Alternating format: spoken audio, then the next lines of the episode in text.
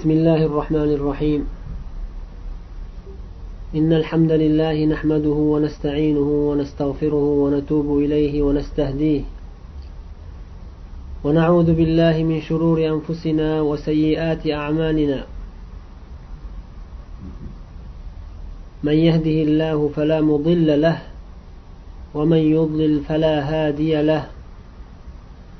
وأشهد أن لا إله إلا الله وحده لا شريك له وأشهد أن محمدا عبده ورسوله صلى الله عليه وعلى آله وأصحابه أجمعين ومن تبعهم بإحسان إلى يوم الدين وسلم تسليما كثيرا مزيدا.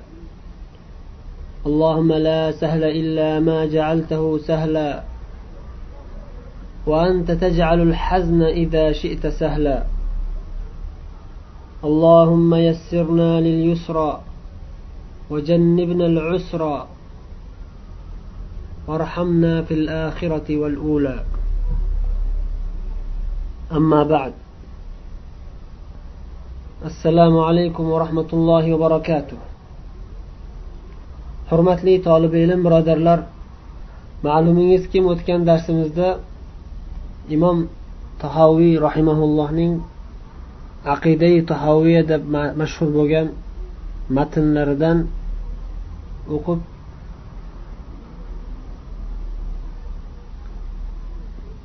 ولا يصح الإيمان بالرؤية لأهل دار السلام لمن اعتبرها منهم بوهم أو تأولها بفهم degan nuqtasiga kelib to'xtagan edik Oxirgi yozgan mavzularida aytgandilarki musulmon kishi haqiqiy musulmon bo'lishi uchun barcha ishlarda alloh va rasuliga taslim bo'lishi shart.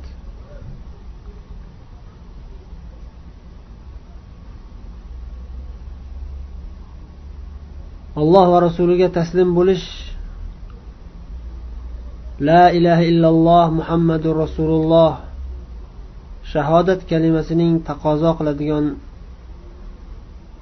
shartlaridan biri. Va bu narsa o'z ichiga bu taslim bo'lishlik degani islom va iymon masalalarini hammasini o'z ichiga oladi. Xususan alloh taoloning ism sifatlari borasida alohida ta'kidlanadi. Chunki o'zini musulmon deb davo qiladigan ko'pdan ko'p musulmonlar musulmonlar ko'pdan ko'p musulmonlar tarixda alloh taoloning ism sifatlariga iymon keltirish masalasida alloh taologa va allohning rasuli xabar bergan xabarlarga taslim bo'lmasdan o'zlarini aqllarini qur'oni sunnatdan ustun qo'yib qur'oni sunnatdan qur'oni sunnat ustidan hukmron qilib shariat cheklab qo'ygan chegaralardan chiqib ketib qolishgan. Ana shularga taalluqli ko'proq mana shu nasihatlari shuning uchun aqida kitoblariga bu masalani kiritib alloh va rasuliga taslim bo'lishlik farz va shart ekanligini alohida ta'kidlab qayta qayta yozib aytyaptilar. O'tgan darsimizdan oldingi darsimizda alloh taoloni mo'minlar qiyomatda jannatda ko'rishlari haqida aytib mana shunga iymon keltirishimiz lozimligini bayon qilib alloh taoloni ko'rishligimiz kayfiyati noma'lum ekanligini ham aytib o'tadilar albatta alloh taoloni ko'ramiz. Inshaalloh haqiqiy mo'min bo'lsak. Va lekin qanday shaklda yoki qaysi suratda ko'ramiz buni bilmaymiz. Kayfiyatini bilmaymiz deb o'tgan darslarda ta'kidlab aytdik. Va yana ta'kidlab aytgan nuqtalarimizdan biri har doimgi darsimizda takrorlanyapti bu masala deyarli alloh taoloni ko'rishlik masalasi ham alloh taoloning boshqa sifatlariga iymon keltirish masalasida ham ikkita narsadan ehtiyot bo'lishimiz kerak. Birinchisi nafiy inkor qilish. Alloh taoloni qur'oni karimda hadis shariflarda sobit bo'lgan sifatlarini inkor qilish. Mana shu o'tayotgan mavzuyimiz alloh taoloni ko'rish masalasi ham shunga kiradi shu mavzuga kiradi. Alloh taoloning sifatlariga taalluqli alloh taoloni ko'rishligimiz ham qur'on sunnatda sobit bo'lgan mana shu va boshqa barcha alloh taoloning sifatlarini isbot qilishda albatta isbot qilishimiz kerak qur'oni hadisda kelganday. Nafiydan ehtiyot bo'lishimiz kerak. Birinchi eng xatarli ehtiyot bo'lishimiz kerak bo'lgan eng xatarli nuqta nafiy inkor qilishlik. Alloh taoloning ism sifatlarini inkor qilishlik. Chunki alloh taolo o'zini o'zi sifatlab aytgandan keyin hech kimni haqqi yo'q u narsani boshqa ma'nolarga burib inkor asl sifatni inkor qilishgan.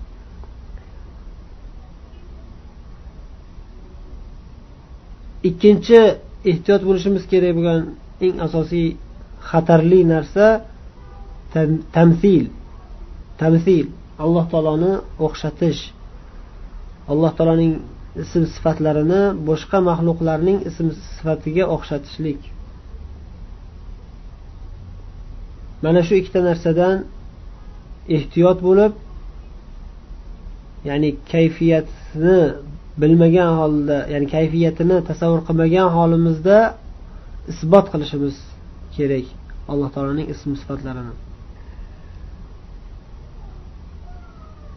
Xuddi shunday alloh taoloni ko'rishlik masalasida ham kayfiyatini bilmagan holimizda ko'ramiz dedilar. Va yana mana bu yerda o'sha mavzuga qaytib o'zi aslida u mavzu davom etib kelayotgandi alloh taoloni ko'rish masalasi. Faqat orada alloh va rasuliga taslim bo'lishlik zarurligini alloh va rasulining kalomini rad qilishlik xatarli ekanligini bayon qilib o'tdilar. Allohni ko'rish masalasiga iymon keltirish zarurligini aytib turib ko'rishlik ya'ni alloh taoloni ko'rishlik ahli jannat uchun haqqu haqiqat deb aytib turib keyin alloh va rasuliga taslim bo'lishlikni zarurligini aytib ta'kidlab yana shu ollohni ko'rish masalasi haqida ollohni ko'rishlikni ma'nosini burib tashlashlik xatari haqida alohida to'xtalib aytyaptilarki ولا يصح الإيمان بالرؤية لأهل دار السلام لمن اعتبرها منهم بوهم أو تأولها بفهم dorissalom ahli uchun maxsus bo'lgan xos bo'lgan ru'yaga ko'rishlikka ru'ya ko'rishlik. Ko'rishlikka iymon keltirish ba'zi bir odamlarning iymoni keltirganiday bo'lsa to'g'ri bo'lmaydi deyaptilar. Avvalambor dorissalomni bilasizlar jannat. Alloh taolo qur'oni karimda mo'minlarga lahum darussalami inda robbihim mo'minlarga o'zlarining ularning parvardigorlarining huzurida ularga darussalom tinchlik hovlisi haqiqiy tinchlik salomatlik baxtu saodat uyi bo'lgan jannatni alloh taolo darussalom deb sifatlagan. Ana shu oyatdan olib imom tahoviy darussalom deb jannatni aytyaptilar. Darussalom ahli uchun ya'ni mo'minlar mo'minlar uchun chunki jannatga faqatgina mo'minlar kiradi. Qalbida zarracha bo'lsa ham iymoni bo'lsa oxir oqibat jannatga kiradi. Hech qachon arosatda qolib ketmaydi. Qilgan gunohlariga yarasha jazolanib balki alloh taolo o'zi jazolamasdan ham o'z mag'firatiga dohil qilib jannatga kirgizib yuborishi mumkin. Qalbida iymoni bo'lishi shart. Oxir oqibat baribir jannatga kirish uchun albatta zarracha bu ham zarracha bu miqdorda bo'lsa ham qalbda iymon bo'lishi shart. Qalbida iymoni bor insonlarning oxirgi borib tushadigan joylari oxirgi borib o'rnashadigan joylari darussalom jannatdir.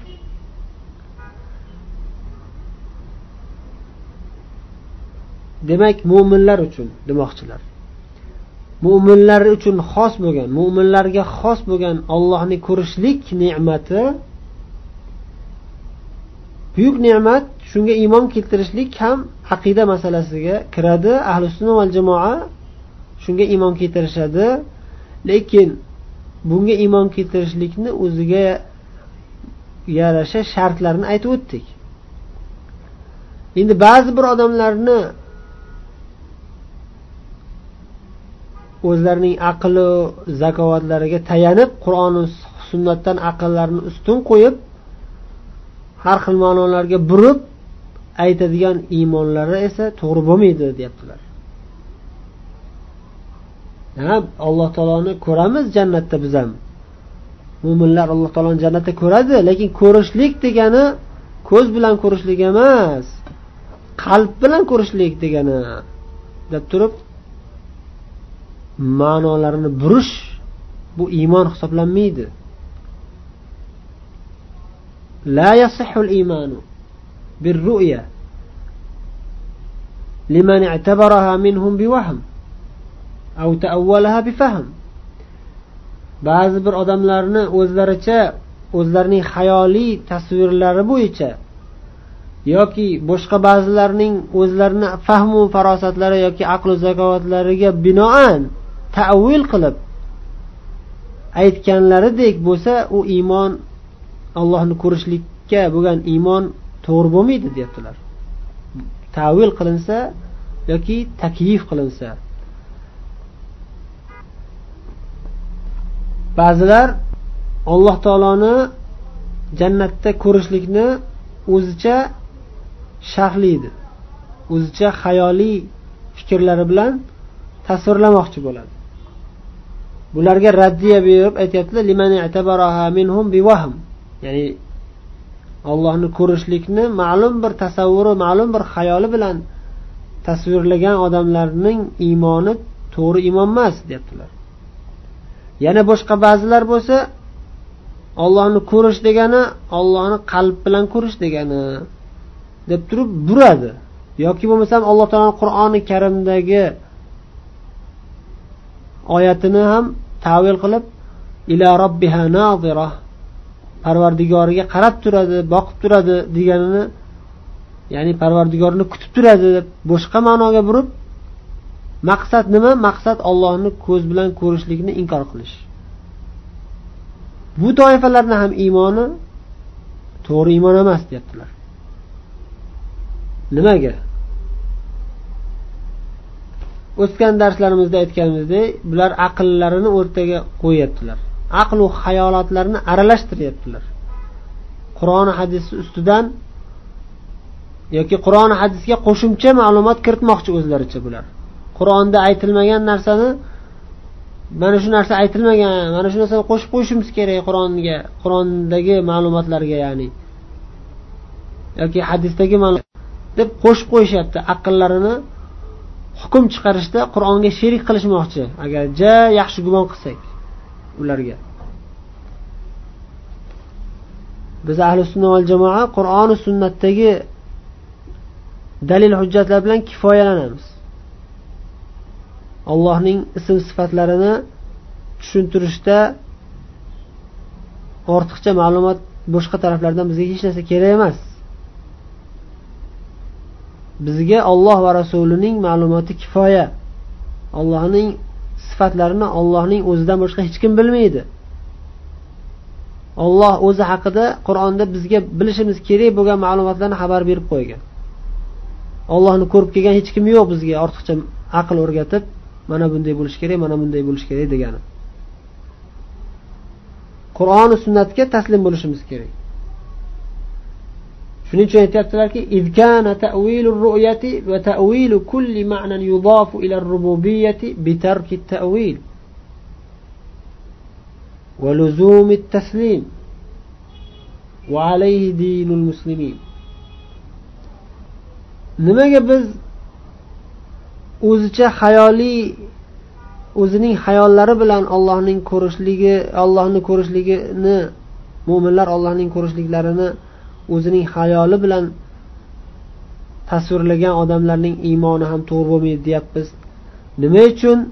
Ollohni ko'rish degani ko'rish bu ko'z ko'z bilan ko'rish emas boshqacha ko'rish qalb bilan ko'rish yoki ollohni ko'rish degandan maqsad ollohni intizor qilib kutish degani deb ma tavil qilgan odamlarning ham iymoni to'g'ri emas deyapmiz. Nima uchun? Chunki deyaptilar. Ollohning ko'rishligi tavili ollohni ko'rishlik masalasida tavil qilishlik shu masalani tavil qilishlik va bundan boshqa barcha allohning ism sifatlariga taalluqli bo'lgan ma'nolarni tavil qilishlik parvardigorlikka rububiyatga ya'ni alloh taoloning parvardigorligiga taalluqli bo'lgan o'shanga izofa qilib o'shanga bog'lab aytilgan ma'nolarni eng to'g'ri tavil shu tavil qilmoqchi bo'lsangiz eng to'g'ri tavil tarkib tavil. Tavilni tark qilish deyaptilar ya'ni ollohning sifatlarini tavil qilmoqchi bo'lsangiz tavilini tark qilsangiz ana shu tavil bo'ladi deyaptilar. Nima degani bu? Buni tushunishimiz uchun tavil kalimasini bilishimiz kerak ma'nosini. Tavil kalimasi ikki xil ma'noda aytiladi. Qur'onda ikki xil ma'noda kelgan. Tavil bima'na tafsir. Birinchi ma'nosi tafsir ma'nosida keladi. Ikkinchi ma'nosi haqiqatu shay. Bir narsani asl haqiqatini ko'rish ma'nosida keladi. Bu ikkinchi ma'nosi esa alloh taologa xos ekanligida hech kim shubha qilmasligi kerak. Alloh taoloning sifatini haqiqiy tavili ya'ni asli haqiqatini bilishlik faqat alloh taologa xos uni hech kim bilmaydi. Illo biz jannatga kirganda alloh taoloni ko'rganimizda ma'lum bir sifatlarini kayfiyatini bilishimiz mumkin. Shunday oyatlar bor oyati karimalar qur'oni karimda. Uning haqiqatini ollohdan boshqa hech kim bilmasligini olloh xabar bergan. Oli imron surasida alloh taolo aytadiki uning tavilini ollohdan boshqa hech kim bilmaydi. Degan. Agar bu tavilni o'sha haqiqatu shay bir narsani haqiqati deb tafsir qilinadigan bo'lsa ya'ni tavil kalimasini o'zini ikki xil ma'nosi bor deyapmiz. Ana shu ikkinchi ma'nosi deb aytsak shu oyatda ya'ni ollohdan boshqa hech kim bilmaydi. Shu nuqtada shu joyda to'xtash kerak bo'ladi. Deb to'xtaladi. Oyat tugamadi lekin to'xtash alomati bor. Qur'onni qarasanglar to'xtash belgisi bor. Bu ulamolarning birinchi qavllariga binoan ya'ni tavilahu illalloh ma ya'lamu tavilahu illalloh degani ya'ni uning haqiqatini ollohdan boshqa hech kim bilmaydi degani. Agar shu ma'noda bo'lsa mana shu illalloh degan joyda to'xtash kerak. Agar ikkinchi ma'noda bo'lsachi ya'ni tafsirini uning tafsirini degan ma'noda ya'ni ma'nosini. Tavilahu illalloh. Bir narsani masalan ma'nosini bilish bor. Misol uchun alloh taoloning oyati karimalaridan ba'zilarining ma'nosini bilish. Chuqur ma'nosi bo'ladi. O'sha ma'nolarini tushunib yetishlik. Uni haqiqatini masalan ma'lum bir allohning sifatlarini haqiqatini bilish emas. Ma'lum bir ilmni tagiga yetish ma'lum bir darajada. O'shani ma'nolarini atroflicha o'rganib bilish. Tavil deyiladi bu ham. Shuning uchun ibn jarir rahimaulloh tafsirlarida va tavilu hadhihi al-aya deb ko'p takrorlaydi. Bu oyatning tavili ya'ni tafsiri degani. Agar shu ma'noda bo'lsa oli imronni uchinchimi to'rtinchi oyatda yo beshinchi oyatdamidi kelgan allohning kalomi allohning so'zi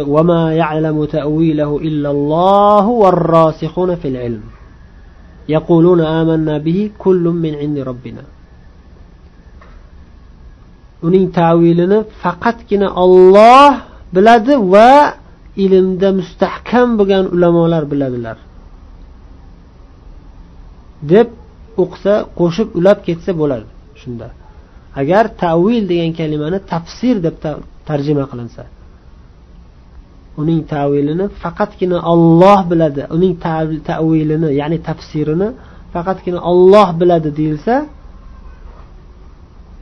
tafsirini deyilsa Alloh biladi va ilmda mustahkam bo'lgan chuqur olimlar chuqur ilmli olimlar biladi. Alloh biladi va Alloh o'rgatgan Alloh o'zining marhamati bilan ularni mustahkam buyuk kuchli ulamo bo'lib yetishlariga Alloh o'zi muvaffaq qilgan olimlar biladi hamma ham tushunavermaydi alloh taoloning ba'zi bir oyat karimalarini ya'ni mana shu ikki xil ma'nosi bor bu yerda imom tahoviy aytayotganlari إذ كان تأويل الرؤية وتأويل كل معنى ya'ni ollohning ko'rishlik degan masalada ollohni ko'rishlik qanday bo'ladi? Haqiqatini bilish. Birinchisi haqiqati degan ma'noda kelyapti.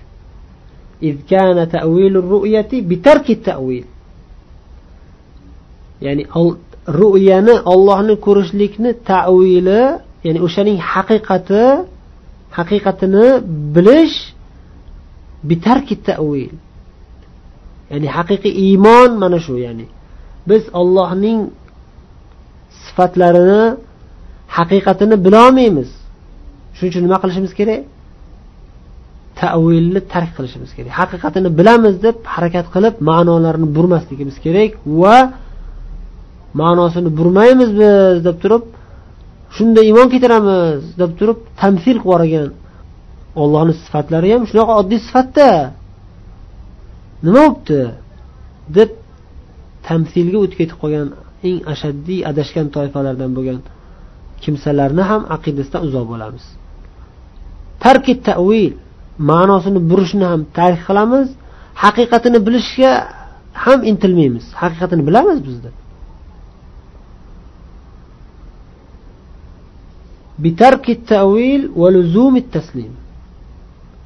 Tavilini ya'ni o'sha narsaning ma'nosini burishlikni tark etamiz. Va luzumi taslim taslim bo'lishlikni lozim tutamiz. Allohga topshirishlikni lozim tutamiz. Alloh taolo nima degan bo'lsa ana shunday deb turib allohga topshiramiz. Alloh taolo nima dedi?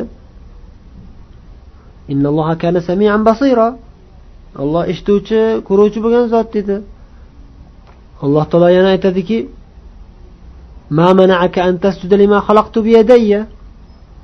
nima uchun san seni nima qaytardi? Men o'z ikki qo'lim bilan ikki qo'lim bilan yaratgan narsaga sajda qilishdan sani nima to'sdi? deb shaytonga odam alayhissalomga sajda qilishga buyurilganda sajda qilmaganligida aytdi. Men ikki qo'lim bilan yaratgan narsamga sajda qilishdan seni nima to'sdi? deb ikki qo'li borligi sifatini aytdi. Va hokazo alloh taoloning ko'pdan ko'p sifatlarini olloh o'zi o'zi xabar berdi qur'onda. Ana shunday alloh taolo qanday xabar bergan bo'lsa ana shunday deb iymon keltiramiz. Tarki tavil qilamiz. Tavilni tark etamiz. Ya'ni buni ma'nosi bunaqa buni ma'nosi bunaqa deb turib buravermaymiz hali u yoqqa ma'nosini burib hali bu yoqqa ma'nosini burib yo'q alloh taolo aytganiday bo'ladi. Alloh taolo o'zi arab tilida nozil qilgan qur'oni karimni. Alloh taolo o'zi qur'oni karimni arab tilida nozil qilgan. Arab tilida shu nima degani? Ana shu ma'noda. Kayfiyatchi kayfiyatini biz bilmaymiz ollohni hech kim ko'rmagan. Va hech kim alloh taoloni kayfiyatini ham eshitmagan. Alloh taologa o'xshash hech narsa yo'q deb olloh o'zi xabar berib qo'ygan. U zotga o'xshash hech narsa yo'q va u zot eshitib turuvchi ko'rib turuvchi zot dedi. Mana shunday iymon keltiramiz. Mana shuning ustiga qurilgan musulmonlarning dini deyaptilar. Musulmonlarning dini nima? Islom dini. Islom dini nima? Mana shunday allohga va rasuliga topshirish bilan bino bo'ladi. La ilaha illalloh muhammadu rasululloh. Ollohdan boshqa hech qanday ibodat qilishga haqli iloh yo'q. Faqatgina ollohning o'zi ibodatga haqli bo'lgan yagona iloh. Muhammadu rasululloh va muhammad ibn abdulloh sollallohu alayhi vasallam allohning rasulidirlar. Mana shu shahodat kalimasining taqozosi nima? Hamma masalalarda olloh va rasuliga topshirish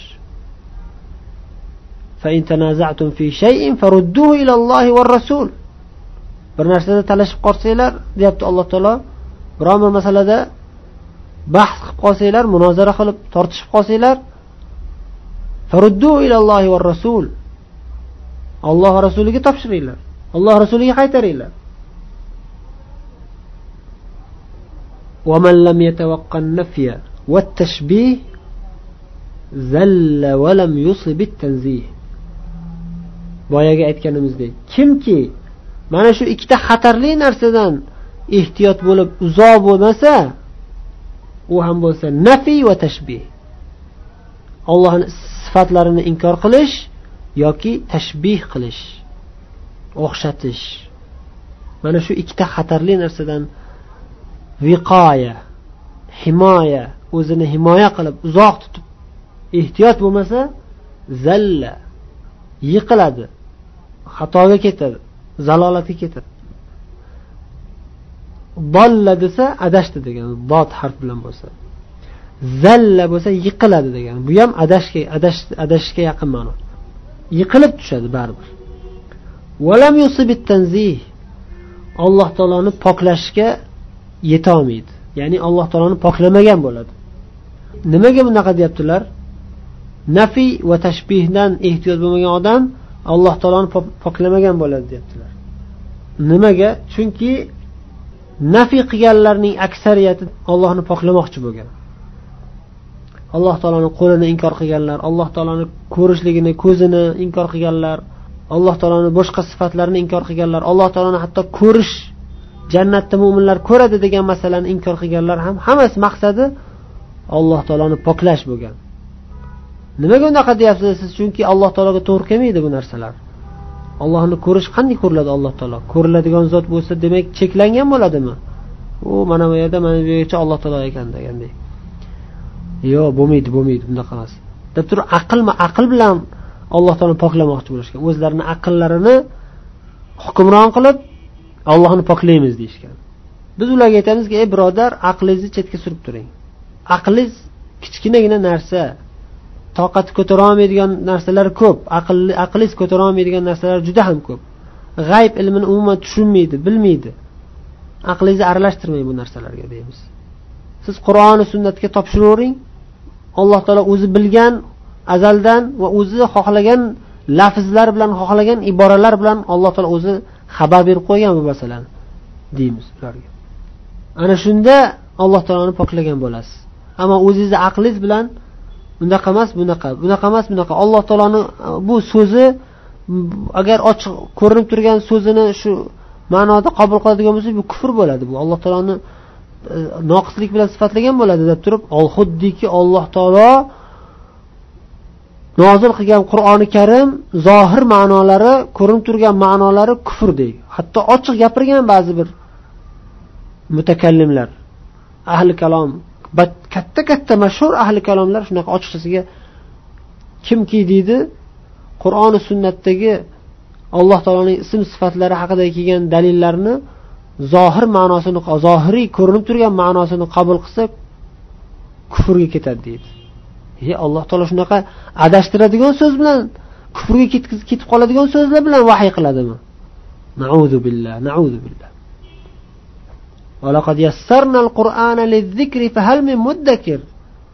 Alloh taolo aytadi darhaqiqat biz qur'onni zikr qilish uchun eslash uchun o'qib yurish uchun yodlash uchun unga amal qilish uchun uni tushunish uchun yassarnal qur'an qur'onni yengil qilib qo'ydik deydi alloh taolo qur'onda o'zi aytyapti.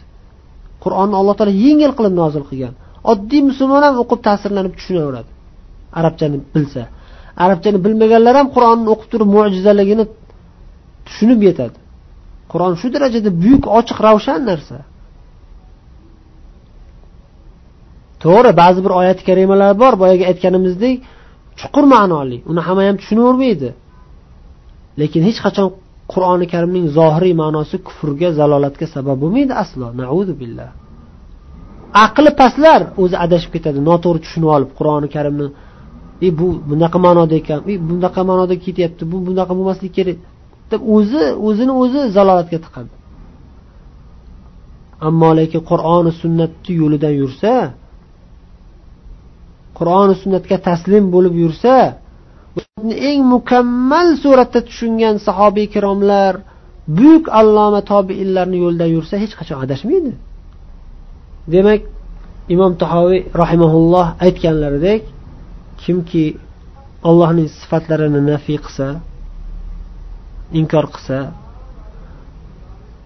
albatta adashadi va alloh taoloni poklagan bo'lmaydi. Poklamasdan alloh taoloni aybu nuqsonlari bilan sifatlagan bo'lib qoladi. Ba'zilar aytganlarki la fuq vala taht vala yamin vala shimal vala amam vala xalf. Alloh taolo tepada ham emas pastda ham emas oldinda ham emas orqada ham emas o'ngda ham emas chapda ham emas hech qayerda emas ya'ni. Mana shunaqangi bid'at gaplar bilan nafiy qilaversa nafiy qilaversa alloh taoloni yo'q deb qo'yadi. Alloh taoloni noqis hech ham gapirmaydigan qilib qo'yadi xuddi haligi kalom sifatini o'tganimizda aytganimizdek. Lam tanzih alloh taolo ism sifatlarini allohni sifatlarini xususan ya'ni ismlarini hech kim inkor qilolmaydi chunki son sanoqsiz oyatlar ochiqdan ochiq xabar berib turibdi. Lekin ahli bidatlar kelib turib bu ismlarni ma'nosi yo'q degan. Ma'nosi yo'q ism bo'lsa alloh taolo nimaga bizga xabar beradi? Alloh taolo shunaqa bema'ni ma'nosiz gaplarni gapiradimi? Nauzu billah. Alloh taoloni poklaymiz deb turib alloh taolo aybi nuqsonlar bilan sifatlab qo'ygan bo'ladi. Allohni ism sifatlarini nafiy qilsa inkor qilsa ya'ni. Bu birinchi adashishlik xatari bo'lsa ikkinchisi tashbih o'xshatishlik. Alloh taolo eshitadimi ko'radimi? Shunaqa deb xabar berdimi o'zi? Ha bo'ldi eshitadi ko'radi. Qanaqa eshitadi? Bizga o'xshab eshitadi. Mana odamlar ham eshitadi odamlar ham ko'radi. Desa astag'firulloh ollohni maxluqqa o'xshatgan bo'ladi kufr bu ham. Billah. Bu ham alloh taoloni noqislik bilan ayblagan bo'ladi. Alloh taoloni poklamagan bo'ladi. Nima uchun biz har kuni subhanalloh subhanalloh deb turib yuzlab yuz marotabalab tasbeh aytishimiz sunnat. Allohni poklash. Alloh barcha aybu nuqsonlardan pok bo'lgan zot deb turib har kun yuz marotabalab aytishlik sunnat. Payg'ambar alayhi vasallam har kuni yuz martadan ko'p subhanalloh subhanalloh derdilar. Allohu akbar allohu akbar va hokazo. Nimaga? Alloh taoloni poklash uchun. Qanday qilib poklaymiz? Qur'oni sunnatda olloh xabar bergandek poklaymiz. Qur'oni sunnatda nima deb alloh taolo xabar berdi? Ala shayin qodir alloh hamma narsaga qodir zot. Va shayin alloh taolo hamma narsani bilib turuvchi zot. Va alloh taolo eshitib turadigan ko'rib turadigan zot. Va hokazo. Alloh taoloni barcha sifatlarini olloh o'zi xabar berganday isbot qilsak va tashbih qilmasak u zotga o'xshash hech narsa yo'q. Va u zot eshitib turuvchi ko'rib turuvchi zot deb turib bitta oyatni o'zida ham alloh taolo nafiy qilib o'ziga o'xshaydigan o'ziga o'xshash hech narsa yo'qligini inkor qilyapti. Va shu bilan birga o'zini ism sifatlaridan ikkitasini isbot qilib qo'yapti. Eshituvchi zot ko'ruvchi zot deb. Demak alloh taologa o'xshash hech narsa yo'q deb iymon keltirsak va alloh o'zi xabar bergan ism sifatlarni isbot qilsak ana shunda biz adashmaymiz yiqilmaymiz va alloh taoloni poklagan bo'lamiz.